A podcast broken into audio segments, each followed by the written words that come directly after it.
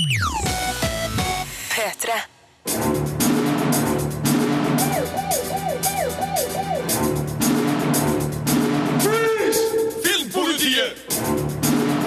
What's your name, dude? Eh, Birger Vestmo.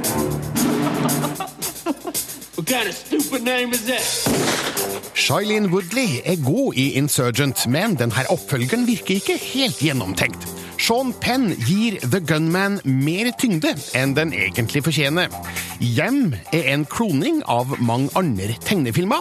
Selma er en viktig og velspilt historietime om borgerrettighetskamp i USA. Og Brødre er en nydelig skildring av norsk barndom. Det her er filmene som skal anmeldes i dag, men vi har mer på lager. Storspillet Battlefield Hardline lanseres i dag. Rune kommer med sine førsteinntrykk. Han har òg spilt og anmeldt Final Fantasy Type Zero HD. Du får i tillegg møtt to av skuespillerne i den premiereklare Netflix-serien Bloodline, Kyle Chandler og Ben Mendelsohn. Filmpolitiet. Filmpolitiet anmelder film. What does Janine think is in that box, Caleb?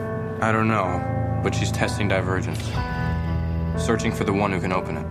Den andre filmen i Divergent-serien heter Insurgent, og fortsetter enerens spenning og intriger på et litt lavere kvalitetsnivå. Det forutsettes igjen at man glemmer alt om realisme, og godtar historiens fantasivirkelighet. Visst fins det ting å sette fingeren på, bl.a. ved historiens helt grunnleggende elementer, men Shailene Woodley er i alle fall fremdeles en god filmhelt med et stort register å spille på. Vi er igjen i en inngjerda fremtidsvisjon av et postapokalyptisk Chicago, der samfunnet er delt opp i ulike grupperinger.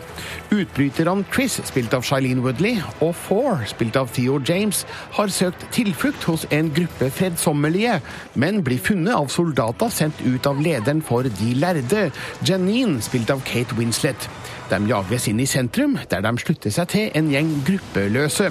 Men Janines makt når langt, og Triss blir tvunget til å overgi seg.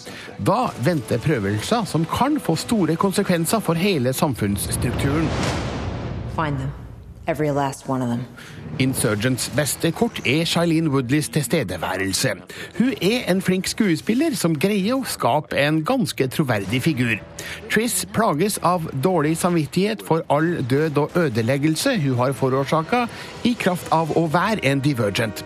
Kjærlighetsforholdet til Four, spilt av Theo James, er dessverre like slapt som i eneren, og ødelegger historiens insistering om at de hører sammen, vil leve eller dø sammen, etc. Oppfølgeren mangler enerens mulighet til å score poeng med friske introduksjoner, og burde hatt sterkere personskildringer. Janine's never gonna stop coming after us. It's time we fight back. Det kan nå settes stadig større spørsmålstegn ved hele universet det her foregår i. Gruppeinndelinga av byen virker som en idiotisk måte å skape et velfungerende samfunn på. Seinere i filmen kommer en slags eh, forklaring på systemet, som får det til å virke enda dummere. For å ha glede av Insurgent må man godta flere svake elementer som ikke virker helt gjennomtenkte, bl.a. dødelige slag som enkelt kunne vært unngått, og diverse figurer som skifter side frem og tilbake uten at det blir godt nok forklart. I can't let anyone else die because of me. Chris, help me!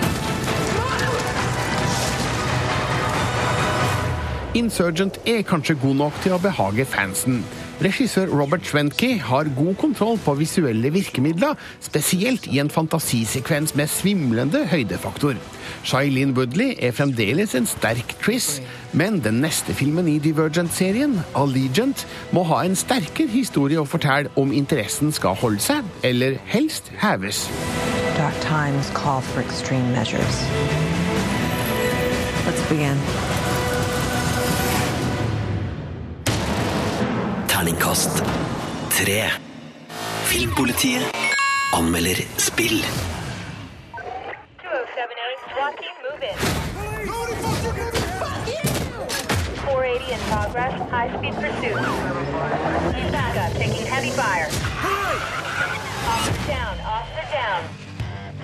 Dette er lyd fra Battlefield Hardline, som ble lansert i går, og som Rune Haakonsen har testa. Velkommen inn i studio, Rune. Takk, Birger. Du, jeg har sittet og spilt det her de siste dagene, for eh, hvis man har vært en sånn type spesiell abonnent, så har man fått tidlig tilgang til å spille Battlefield Hardline, annet på Xbox One. Eh, Men jeg har venta litt med å komme med en endelig dom, så dette er mine førsteinntrykk fra spillet, rett og slett fordi at jeg vil prøve nettfunksjonaliteten skikkelig, skikkelig godt. Dette er et spill i en kategori da, hvor en del andre store utgivere har snubla og gjort skikkelig dårlig arbeid det siste året. Så at jeg har lyst til å teste online-funksjonaliteten helt ut før jeg gir et endelig terningkast. Men førsteinntrykkene, det skal du få. Når jeg hører Battlefield, da tenker jeg krig. Ja, og det er jo nettopp eh, denne serien med spill som nå tar en ny retning. EA og Dice, svenske Dice, de har rett og slett vridd Battlefields krigsfokus inn mot mer politi og røver. Satt i en litt sånn gritty Los Angeles-aktig moderne bysetting. Og, og, og flerspillerkampene består jo nettopp i at man har disse to lagene som kjemper mot hverandre.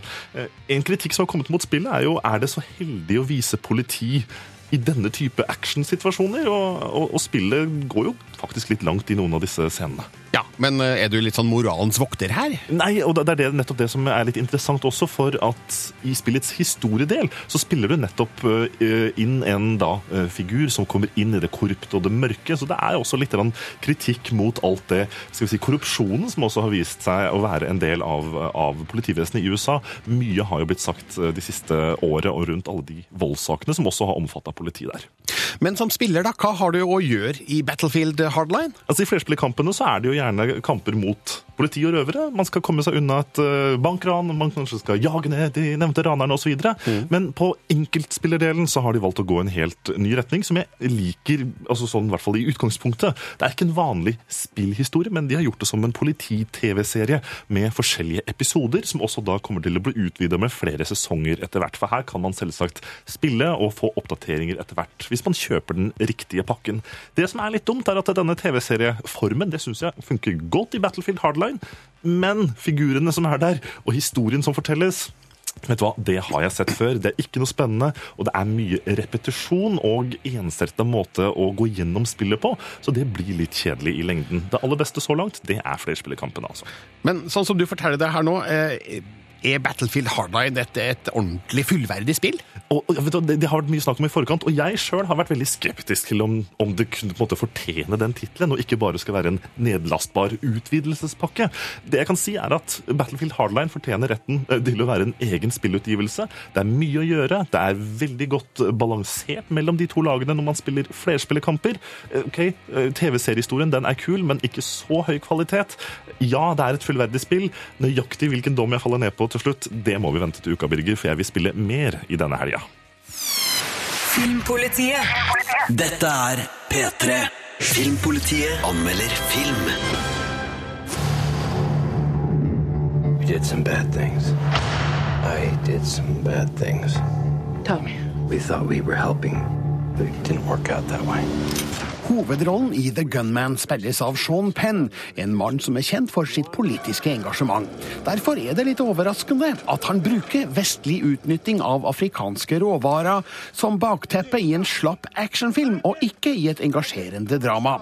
The Gunman har noen velfungerende actionscener med et visst spenningsnivå, men òg et pinlig dårlig trekantdrama og noen lite troverdige plottpoenger. Penns deltakelse gir filmen mer tyngde enn den fortjener. To to work today. I gotta grab some stuff and get out to the site. Jim Terrier, spilt av Sean Penn, jobber for et vaktselskap som opererer i Kongo.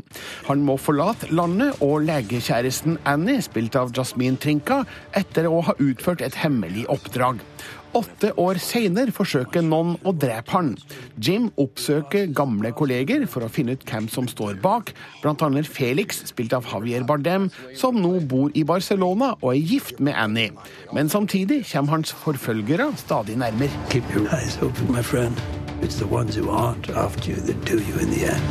Sean Penn er sterkt involvert i filmen, for i tillegg til å ha hovedrollen er han nå medmanusforfatter og medprodusent. Men det er nesten vanskelig å tro at det her er samme mann som sto bak filmer som The Indian Runner og Into the Wild. Trekantforholdet mellom Jim, Annie og Felix er så svakt skildra at det rett og slett er flaut. Bardem gjør den svakeste rollen jeg noen gang har sett han i, og både han og Penn må utveksle replikker som hører hjem i dårlige såpeserier. Jasmin Trinka har som eneste funksjon å være 21 år eldre Penns kvinne i fare. Når kjærlighetsdramatikken er unnagjort, ligger veien åpen for mer actionfylte sekvenser, der regissør Pierre Morel, kjent for Taken og From Paris With Love, åpenbart føler seg mer heim. Det blir heftig kamp på både et landsted, et tivoli og, when in Spain, en tyrefekterarena.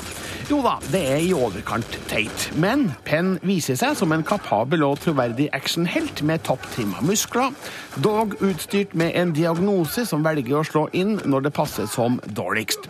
Merkelig nok er det få av skurkene som har fått med seg at målet faktisk er topptrent leiemorder sjøl, og gir han lett match gang på gang, samtidig som ingen på verken tivoli eller tyrefekterarena lar seg forstyrre av heftig skyting i umiddelbar nærhet. Her lønner det seg å ha lave forventninger til realisme. Let The Gunman har glimtvis god action med blodig brutalitet, men er dårlig på drama og mellommenneskelige relasjoner. Og filmens budskap omkring vestlig pengegrisk tilstedeværelse i Afrika er halvhjerta formidla. Et interessant poeng her er at Sean Penn er i ferd med å regissere en ny film om vestlige hjelpere i en urolig del av Afrika, nemlig The Last Face. Også den med bl.a. Javier Bardem på rollelista. Kanskje de forsøker å gjøre opp for The Gunman?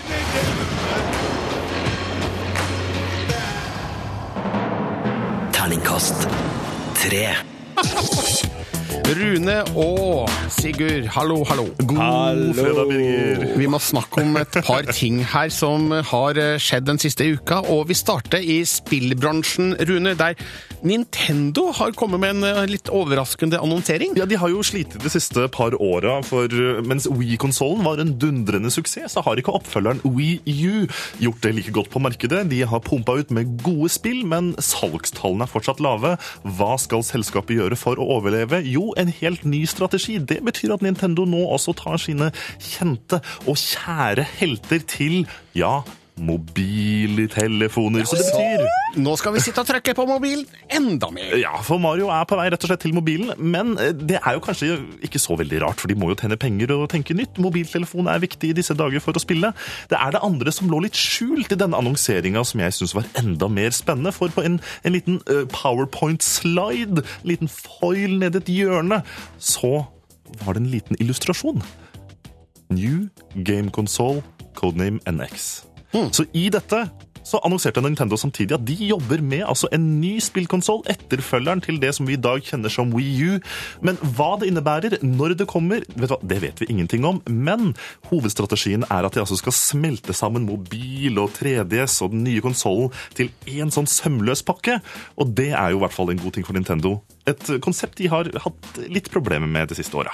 Jeg digger at du driver og finner easter eggs også i powerpoint-presentasjoner. Det syns jeg er kjempebra. Det, det, Ja, det, var ganske, det var jo en ganske overraskende nyhet at kode, kodenavn NX er under utvikling. Men, men det vi vet, er at sånne type spillkonsollutviklinger de, de pågår jo hele tida. Og de kan ta år, år, år. Så vet du hva, vi får se åssen det går. Men din Mario på mobil, det er på vei. Fra filmbransjen så har vi da sett denne uka at det er intet mindre enn tre Robin Hood-filmer under planlegging. Altså én uh, i regi av Guy Ritchie, som skal hete Hood Origins.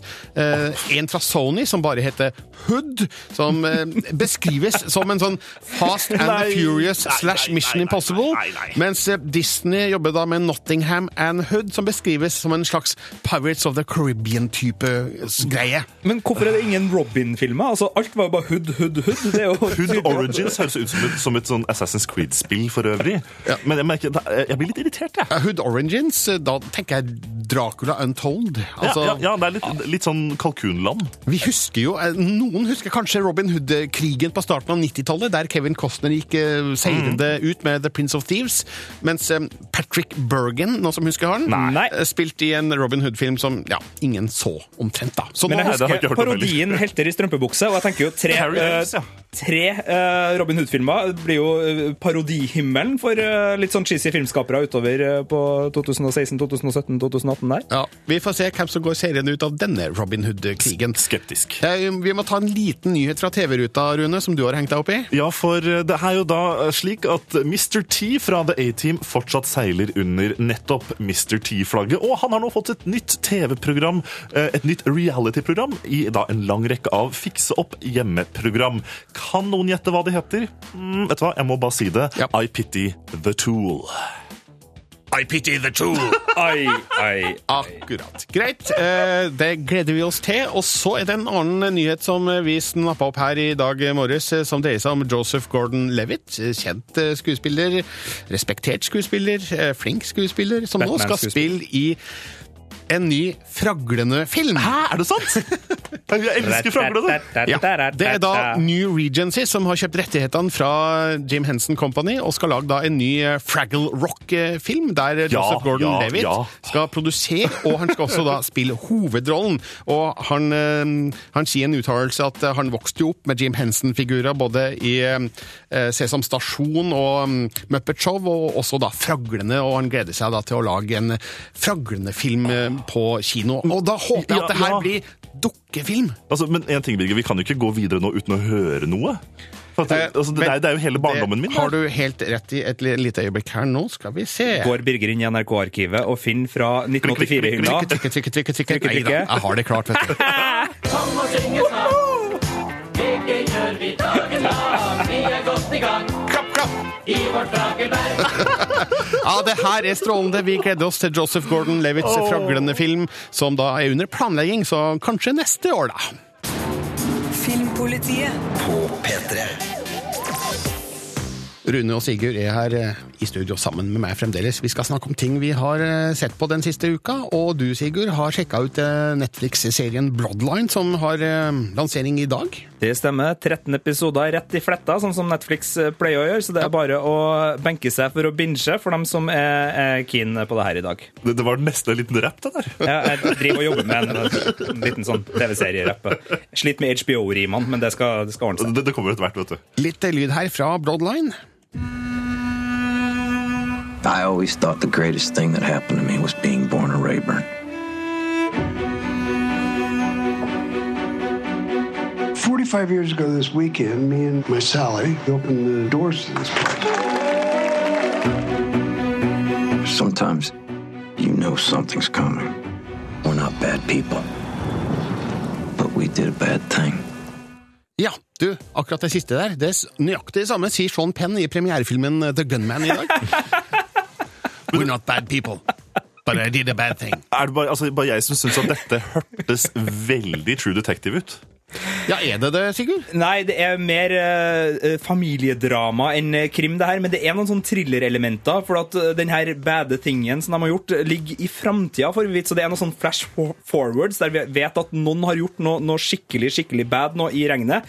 Men, eh, men selve hovedhistoria foregår i nuet, i Florida Keys, hvor familien Rayburn har et eh, familiehotell og, og er liksom grunnpilarer i samfunnet og ganske godt likt. Men så skjuler det seg hemmeligheter bak den her familieidyllen. Og, og søskenflokken spesielt, eh, der er det noe sånn sorte får og noen ansvarsfulle folk og noen intrigemakere. Så der er det veldig mye dramatisk som skjer. da. Jeg har kikka på Better Call Saul, også det på Netflix. Den har jo nå gått i fem-seks episoder. Uh, Begynner å dra seg til nå. Uh, Saul Goodman uh, prøver fremdeles å være lovlydig advokat, men finner det stadig mer og mer vanskelig å være det, og tjene penger på det. Eh, Mike Ermantrout, som vi jo husker som eh, farlig, skal vi kalle kalle han håndlanger i Breaking Bad. Han har jo til nå i serien sittet veldig mye i en sånn uh, por Vært portvakt, rett og slett. Men i forrige episode fikk vi endelig backstoryen til Mike Ermantrout, uh, som forklarer mye om hans personlighet. Og jeg syns uh, serien holdt seg veldig godt, og nå er vi på et punkt der jeg tror Saul Goodman kanskje er i ferd med å begynne, å begynne, begynne å lete etter andre måter Ja, ja. å få advokatpraksisen opp og gå. På den andre siden av gjerdet. Syns absolutt Better Call Saul eh, halvveis ute i sesong én hell en imponerende kvalitet. Eh, men nå skal vi bort ifra Netflix, for du, Rune, du har eh, sett en eh, ny serie et annet sted. Ja, Sony har kastet seg på det å lage egne serier til sin strømmetjeneste. Og debutserien ut på PlayStation Network, det er serien Powers. There was a time when I could fly. I was a hero. Above the law. Then I lost my powers. So they gave me a badge. The fuck am I supposed to do with that? Det, det, det var 16 sekunder og serien oppsummert. Ja, det var en utrolig god oppsummering av det hele. Eh, Første, de tre første episodene er ute i dag. Jeg har sett kun den første Min dom ute på p3.no.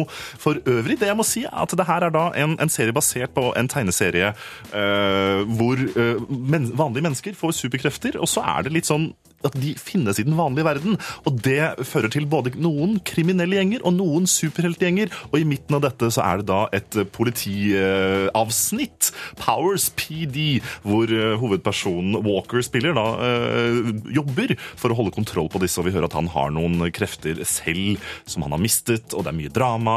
Det er Shalto Copley som spiller hovedrollen, kjent fra District 9, og nå sist da for å gi stemme til Chappie. Han har jobba mye med Neil Blomkamp, og jeg syns han gjør en, en, en grei debut, men det er ganske kjedelige figurer. For serien i løpet av første episode gir meg ikke inntrykk av noe annet enn en, et vanlig politidrama. Du har den gamle veteranen, og så kommer den unge jyplingen inn. Da, her spilt av Susan Hayward, og så er det litt sånn gnisninger mellom de, men så er det det at det er litt superkrefter der. Så skuespillerne og rollene er ikke så spennende, men verdenen rundt uh, i Powers gir meg allikevel nok øh, interesse til å følge med videre på, på hva som skjer da i denne serien, som er Sonys første forsøk på å konkurrere ut Netflix og Amazon og alle de andre som finnes.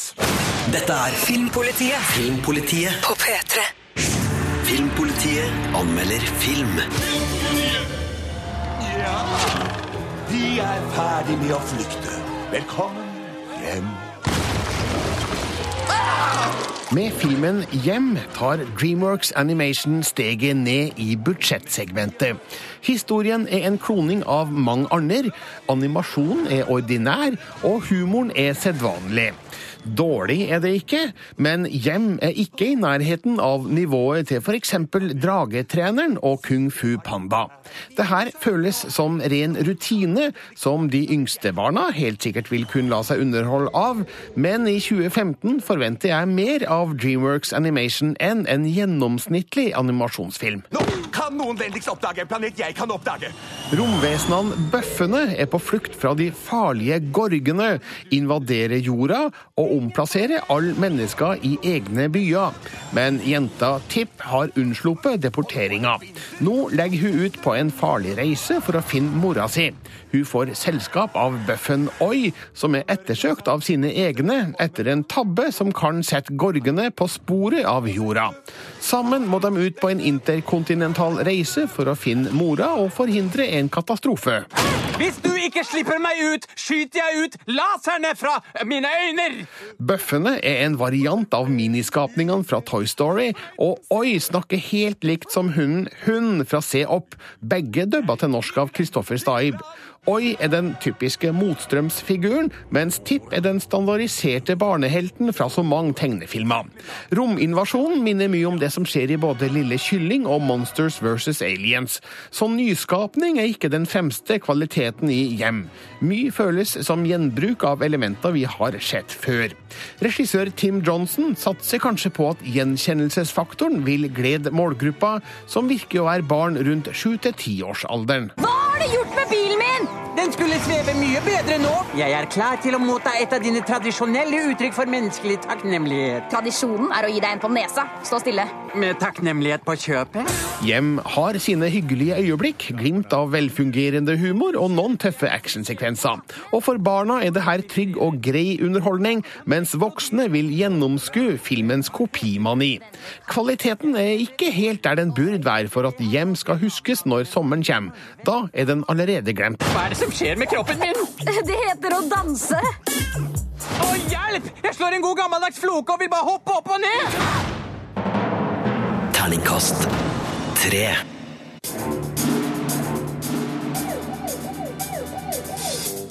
I dag har Netflix-serien Bloodline premiere. Alle 13 episodene ligger ut for dem som vil se alt i ett jafs. Serien er en blanding mellom familiedrama og, og thriller, og vi i Filmpolitiet liker den godt. Kollega Sigurd Vik ga Bloodline terningkast fem, og hele anmeldelsen kan du lese på p3.no Filmpolitiet.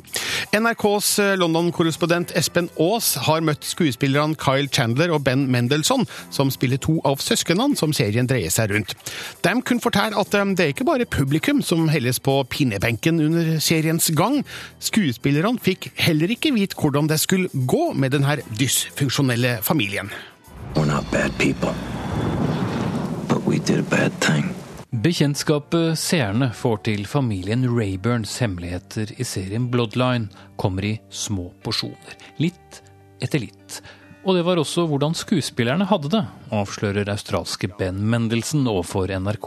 Han spiller familiens sorte får, den eldste sønnen, Danny Rayburn. We would get the scripts, run home, and furiously look to see what was going to happen next. They, it got us. It got us too. And, um, you know, we'd be, "Did you read the new script yet? And they'd be like, oh boy. And the makeup girls would get it early because they had to design stuff. And it would be, don't tell, just because you, you just couldn't wait. I'd like to say a few words about my kids. Det vil si, serieskaperne kunne aller nådigst la skuespillerne selv få velge om de ville ha hele historien, eller altså holdes på pinebenken. Flere, deriblant Kyle Chandler, som spiller familiens nest eldste sønn, politimann John Rayburn, valgte det siste. And if you asked specifically what happens, you were given the information. I chose not to. I think you chose not to. You like to do the script, you know what's happening, and then what's going to happen next. Sometimes it's a bad deal. Like the game is on, I'm working. You get on the train, you say, Listen, everybody, I haven't seen the game. Don't say anything. No good will come of this. People can change. You can't. Små subjektive innblikk i familiens nåtid og ikke minst fortid, sett fra synsvinkelen til de fire søsknene, og til en viss grad foreldrene. 45 years ago this weekend, me and my Sally opened the doors to this place. Sometimes you know something's coming. Det var eh, forresten erfarne brødre som laget serien også, Todd og Glenn Kessler, sammen med Daniel Selman. De tre har tidligere stått for fem sesonger av serien Damages. Nå ville de lage serie om noe de alle kjente godt til. Each of our families has three sons, and both sets of our parents had been married over 50 years. And we wanted to try to explore these things that we had been talking about for such a long time and continue to talk about because we continue to live it. Dermed ble det altså Bloodline, hvor familiens lune rede kanskje vel så mye handler om familiens lune vrede. Hjertelig er de iallfall ikke alltid. That's how I felt when my brother came home. Og får serieskaperne det som de vil, vet vi som seere mer om hver av rollefigurene enn de vet om hverandre. No one is all good, no one is all bad, there's a lot of gray, and that the audience will hopefully have an experience where they know more about each character than any of the other characters in the story know. We're all very complex, and family is very, very dubious at best. When one says, "I love you," it's been, it's good to see you. God, how long are they going to be here? you know. Sier en fornøyd Kyle Chandler, alias John Rayburn, mens Ben Mandelson, alias Danny Rayburn, fniser ved siden. Slik ser iallfall de serien. Nå har de strengeste dommerne, nemlig seerne, fått den mørke familiehistorien i fanget.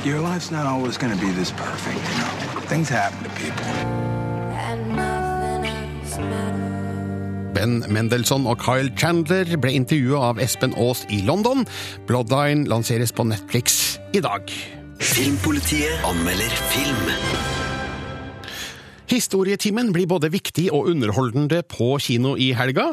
Filmen Selma handler om da amerikanske borgerrettsforkjempere, med Martin Luther King jr. i spissen, marsjert i gatene for svarte amerikaneres rett til å stemme. Det ble flere voldsomme og blodige oppgjør med de lokale styremaktene i Alabama, og Selma forteller denne historien på en veldig god måte, ifølge Sigurd Vik.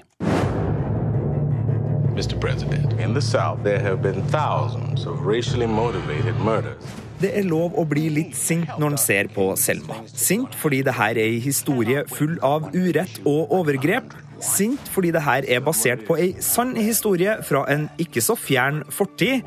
Og sint fordi det er ei historie som fremdeles er smertelig relevant i en verden hvor kjønn og etnisitet brukes for å holde mennesker nede. Året er 1965. Lyndon Johnson er president i USA. Ungdommen dør i Vietnam, og i sørstatene så drives det systematisk vold og diskriminering mot svarte amerikanere. Martin Luther King jr. kjemper for borgerrettighetene og er mannen som har både media og presidenten sitt øre. Taktikken er å provosere gjennom fredelige, men veldig offentlige demonstrasjoner. For på den måten å trekke trollene ut i kameralyset og la dem sprekke i full offentlighet. Here is the next great battle. Selma's the place, and they ready. Småbyen Selma i Alabama er en perfekt by for denne øvelsen. Med en rasistisk sheriff og en guvernør som ikke vil løfte en finger for å beskytte borgerrettighetene. Her samler King folket til en marsj som skal gå fra Selma til Alabamas hovedstad Montgomery. En marsj som blir historisk pga. måten lokale styresmakter møter en fredelig demonstrasjon med vold og militær makt. Selma er et veldig behagelig stykke kameraarbeid. Fra majestetiske kjøringer på brua hvor Selma-marsjen møter militær motstand, til sparsomt belyste nærbilder av lavmælte diskusjoner i fengselsceller. Skuespillerne gjør også Selma til en film som fenger og trekker oss inn. Hovedrolleinnehaver David Oyelovo balanserer utmerket mellom den gnistrende folketaleren Martin Luther King jr. og den slitne og tidvis usikre privatperson. People actually say they're gonna kill our children. They're trying to get inside of your head. Filmens svakhet er at den vil fortelle veldig mye på forholdsvis kort tid. Og noen av trådene, som f.eks. King sin familiesituasjon og rivaliseringa han hadde med Malcolm X, blir påbegynt, men får liten plass til å spilles ut. Men et par halvfortalte sidepoeng tar ingenting bort fra hovedhistoria. Selma er en velspilt og viktig historietime som er både spennende, varm og hjerteskjærende vond. Og når den Oscar-vinnende låta 'Glory', framført av Common og John Legend, kommer på rulleteksten, og parallellen trekkes fra Selma i 1965 til Ferguson i 2014, så er det lov å bli både sint, trist og engasjert i kinosalen.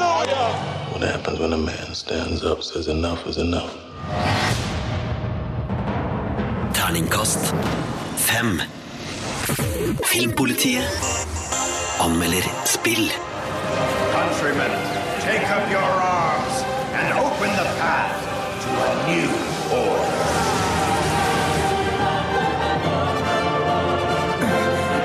May the crystal guide them to salvation. Oi sann, det her er stort og svulstig, Rune Håkonsen. Du, jeg fikk gåsehud bare å høre på dette. Det er lyd fra Final Fantasy Type 0, eller Type 0 HD, som er ute i Norge i dag. Men det her er jo egentlig et gammelt spill? Ja, det er en klassisk? Det er veldig populært i tiden å, å, å ta gamle spill, pusse de opp og gi de ut på nye konsoller. Og noen spillklassikere er jo veldig eh, gode å få et gjensyn med. Jeg har ikke spilt eh, Type 0 HD eller Type 0 før, da, som kom til PlayStation Portable i 2011. Nå er det altså ute på nytt og fått pussa opp grafikken og blitt gitt ut på PlayStation 4. og Xbox One. Alt dette er jo for å varme opp til det kommende storlanseringen av Final Fantasy 15. Et spill som har vært i produksjon i ti år. Det skal vi snakke mer om seinere, men um, Men det her er altså et mellomspill? et mellomspill. Altså, de har rett og slett gitt ut Final Fantasy Type 0 på nytt for å gi oss en liten eh, innføring i hva Final Fantasy 15 har å bringe til bord. Så det er noen endringer hvis man har spilt de gamle Final Fantasy-spillene. Uh, Type 0 uh, HD har også denne sanntidskampene, hvor man i ganske intense sekvenser kjemper mot både store og små fiender. Dette er en litt sånn annerledes vei enn de klassiske Final Fantasy-spillene som hadde sånn turbasert eh, kamp. Men det syns jeg er litt sånn, funker sånn passe greit egentlig i Type 0, og som gjør at jeg ikke helt syns at denne HD-utgaven, denne remaken av PlayStation Portable-versjonen fra 2011, er kanskje helt i toppsjiktet, der jeg forventer at Final Fantasy-spillene skal ligge. Men du, la, la oss nå late som at du snakker til en person som aldri har spilt Final Fantasy før. Eh, og det gjør du faktisk. Eh, Hva handler det her om? Hva er det for noe? Det er veldig japansk, Birger. Det er veldig japansk. Det er en historie, en storslagen, episk, overdådig historie om teknologi og magi og forskjellige riker med maktkrystaller som barker sammen i en episk borgerkrig. Og midt i dette der finner du en gruppe krigere som du tar kontrollen over i Type Zero, hvis vi kan kalle det det, da, Type 0 uh, HD. Og, og, og denne historien den er fascinerende. Den er, som i alle Final Fantasy-spill, enorm og overveldende. Og du er en liten brikke i et større maskineri. Og denne historien den er også uh, god og bærer de samme kvalitetstegnene. Og det gjør også musikken som vi hører i bakgrunnen her. Det er vakkert å høre på. Jeg syns ikke kampsystemet i Type Zero HD har fått tålt den hele overgangen til å komme til PlayStation 4 og Xbox One. Det er rett og slett litt tydelig at dette er et gamlere spill, hvor eh, man kan si at eh, rett og slett i hullene mellom det fine og oppussa delene, så legger man merke til at det er noen ting som ikke helt henger på greip. Men er man en Final Fantasy-fan, venter man på Final Fantasy 15, ja, det er mye godt å hente, men for nybegynnere, her er det ganske overveldende, i hvert fall i begynnelsen. Men heter det da Final Fantasy Type Zero HD, eller Type O HD? Type Zero HD, Ja, for- jeg, jeg tror, i hvert fall det. Ja, det, det er null det der, ikke sant? Det er null i navnet, og jeg tror vi sier Type Zero HD. Eh, Veldig spennende, veldig stort. Klassisk Final Fantasy, men ikke helt i toppsjiktet på terningkast. Terningkast fire. Filmpolitiet anmelder film. Ok, kamera går. I sine beste øyeblikk, som den har mange av, er dokumentarfilmen Brødre en nydelig og poetisk skildring av norsk barndom. Alle som har barn, eller har vært barn, noe som skulle omfatte de fleste, vil kjenne igjen tankene, følelsene og situasjonene som er fanga opp av regissør Aslaug Holms kameralinse. Hun har filma sine egne barn, Markus og Lukas, gjennom åtte år, og klippa det sammen til en to timers reise gjennom barndommens gleder, sorger, undring og nysgjerrighet. Det er både gledelig og litt sørgmodig å se de to sympatiske guttenes vei fra barndom til ungdom. Det er mamma som lager denne filmen. Hun har filmet meg så lenge jeg kan huske. Hun har filma sine egne barn, Markus og Lukas, gjennom åtte år, og klippa det sammen til en, en time og tre kvarters reise gjennom barndommens gleder, sorger, undring og nysgjerrighet. Det er både gledelig og faktisk litt sørgmodig å se de to sympatiske guttenes vei fra barn til ungdom. Det er sjølsagt umulig å mene noe som helst om brødre uten å trekke paralleller til Richard Linklaters Boyhood. Det er egentlig helt utrolig at to såpass unike filmprosjekter har pågått samtidig på hver sin side av Atlanteren. Brødre formidler mange av de samme følelsene som Boyhood, men med norsk vri og kanskje med større troverdighet, fordi det her er jo virkeligheten. Brødre sier noe universelt om barns opplevelse av verden rundt seg, og hvordan omgivelser og omstendigheter påvirker og former dem. Hva syns du om at mamma skal lage film om deg og Lukas, da? Det krever jo mye arbeid, da. Liksom om liksom ti år, da, og så er den ferdig. Da er det litt gøy å se på når vi var mindre. Men hva tror du filmen skal handle om, da? At vi er venner og sånn. Og brødre. Man kan kanskje forestille seg at det her er en samling kornete hjemmevideoopptak, men det er langt ifra tilfellet. Aslaug Holm er en dreven dokumentarfilmskaper, og har filma sønnene med et skarpt blikk for situasjoner og detaljer, og med stor tålmodighet for å fange inn de gylne øyeblikkene. Det er dessuten gjort et flott klippearbeid for å sy sammen opptakene til en sammenhengende film, der det stadig vekk hoppes frem og tilbake i tid for å koble barndommen sammen med ungdomstida. Det her tydeliggjør både kontrastene og helheten. Hvorfor filmer du alltid? Du gjør det med vilje, du. Du skal tørke opp. Det fins sekvenser der jeg som publikummer blir i tvil om situasjonene foran kamera utspilles naturlig, eller påvirkes av kameraets tilstedeværelse. Av og til gir barna tydelig uttrykk for at de ikke ønsker å bli filma, og Aslaug Holm går en vanskelig balansegang mellom dokumentering og utlevering. Men som oftest føles det ekte og riktig. Brødre er et godt og tidløst bilde på hvordan barndommen oppleves, og hvordan den utgjør et uvurderlig fundament for resten av livet. Jeg er lei av filminga di. Faen meg ti år siden du starta. Sånn galehus. Terningkast fem. Les mer om film, spill og serier på p3.no Filmpolitiet. Hør flere podkaster på nrk.no podkast. P3.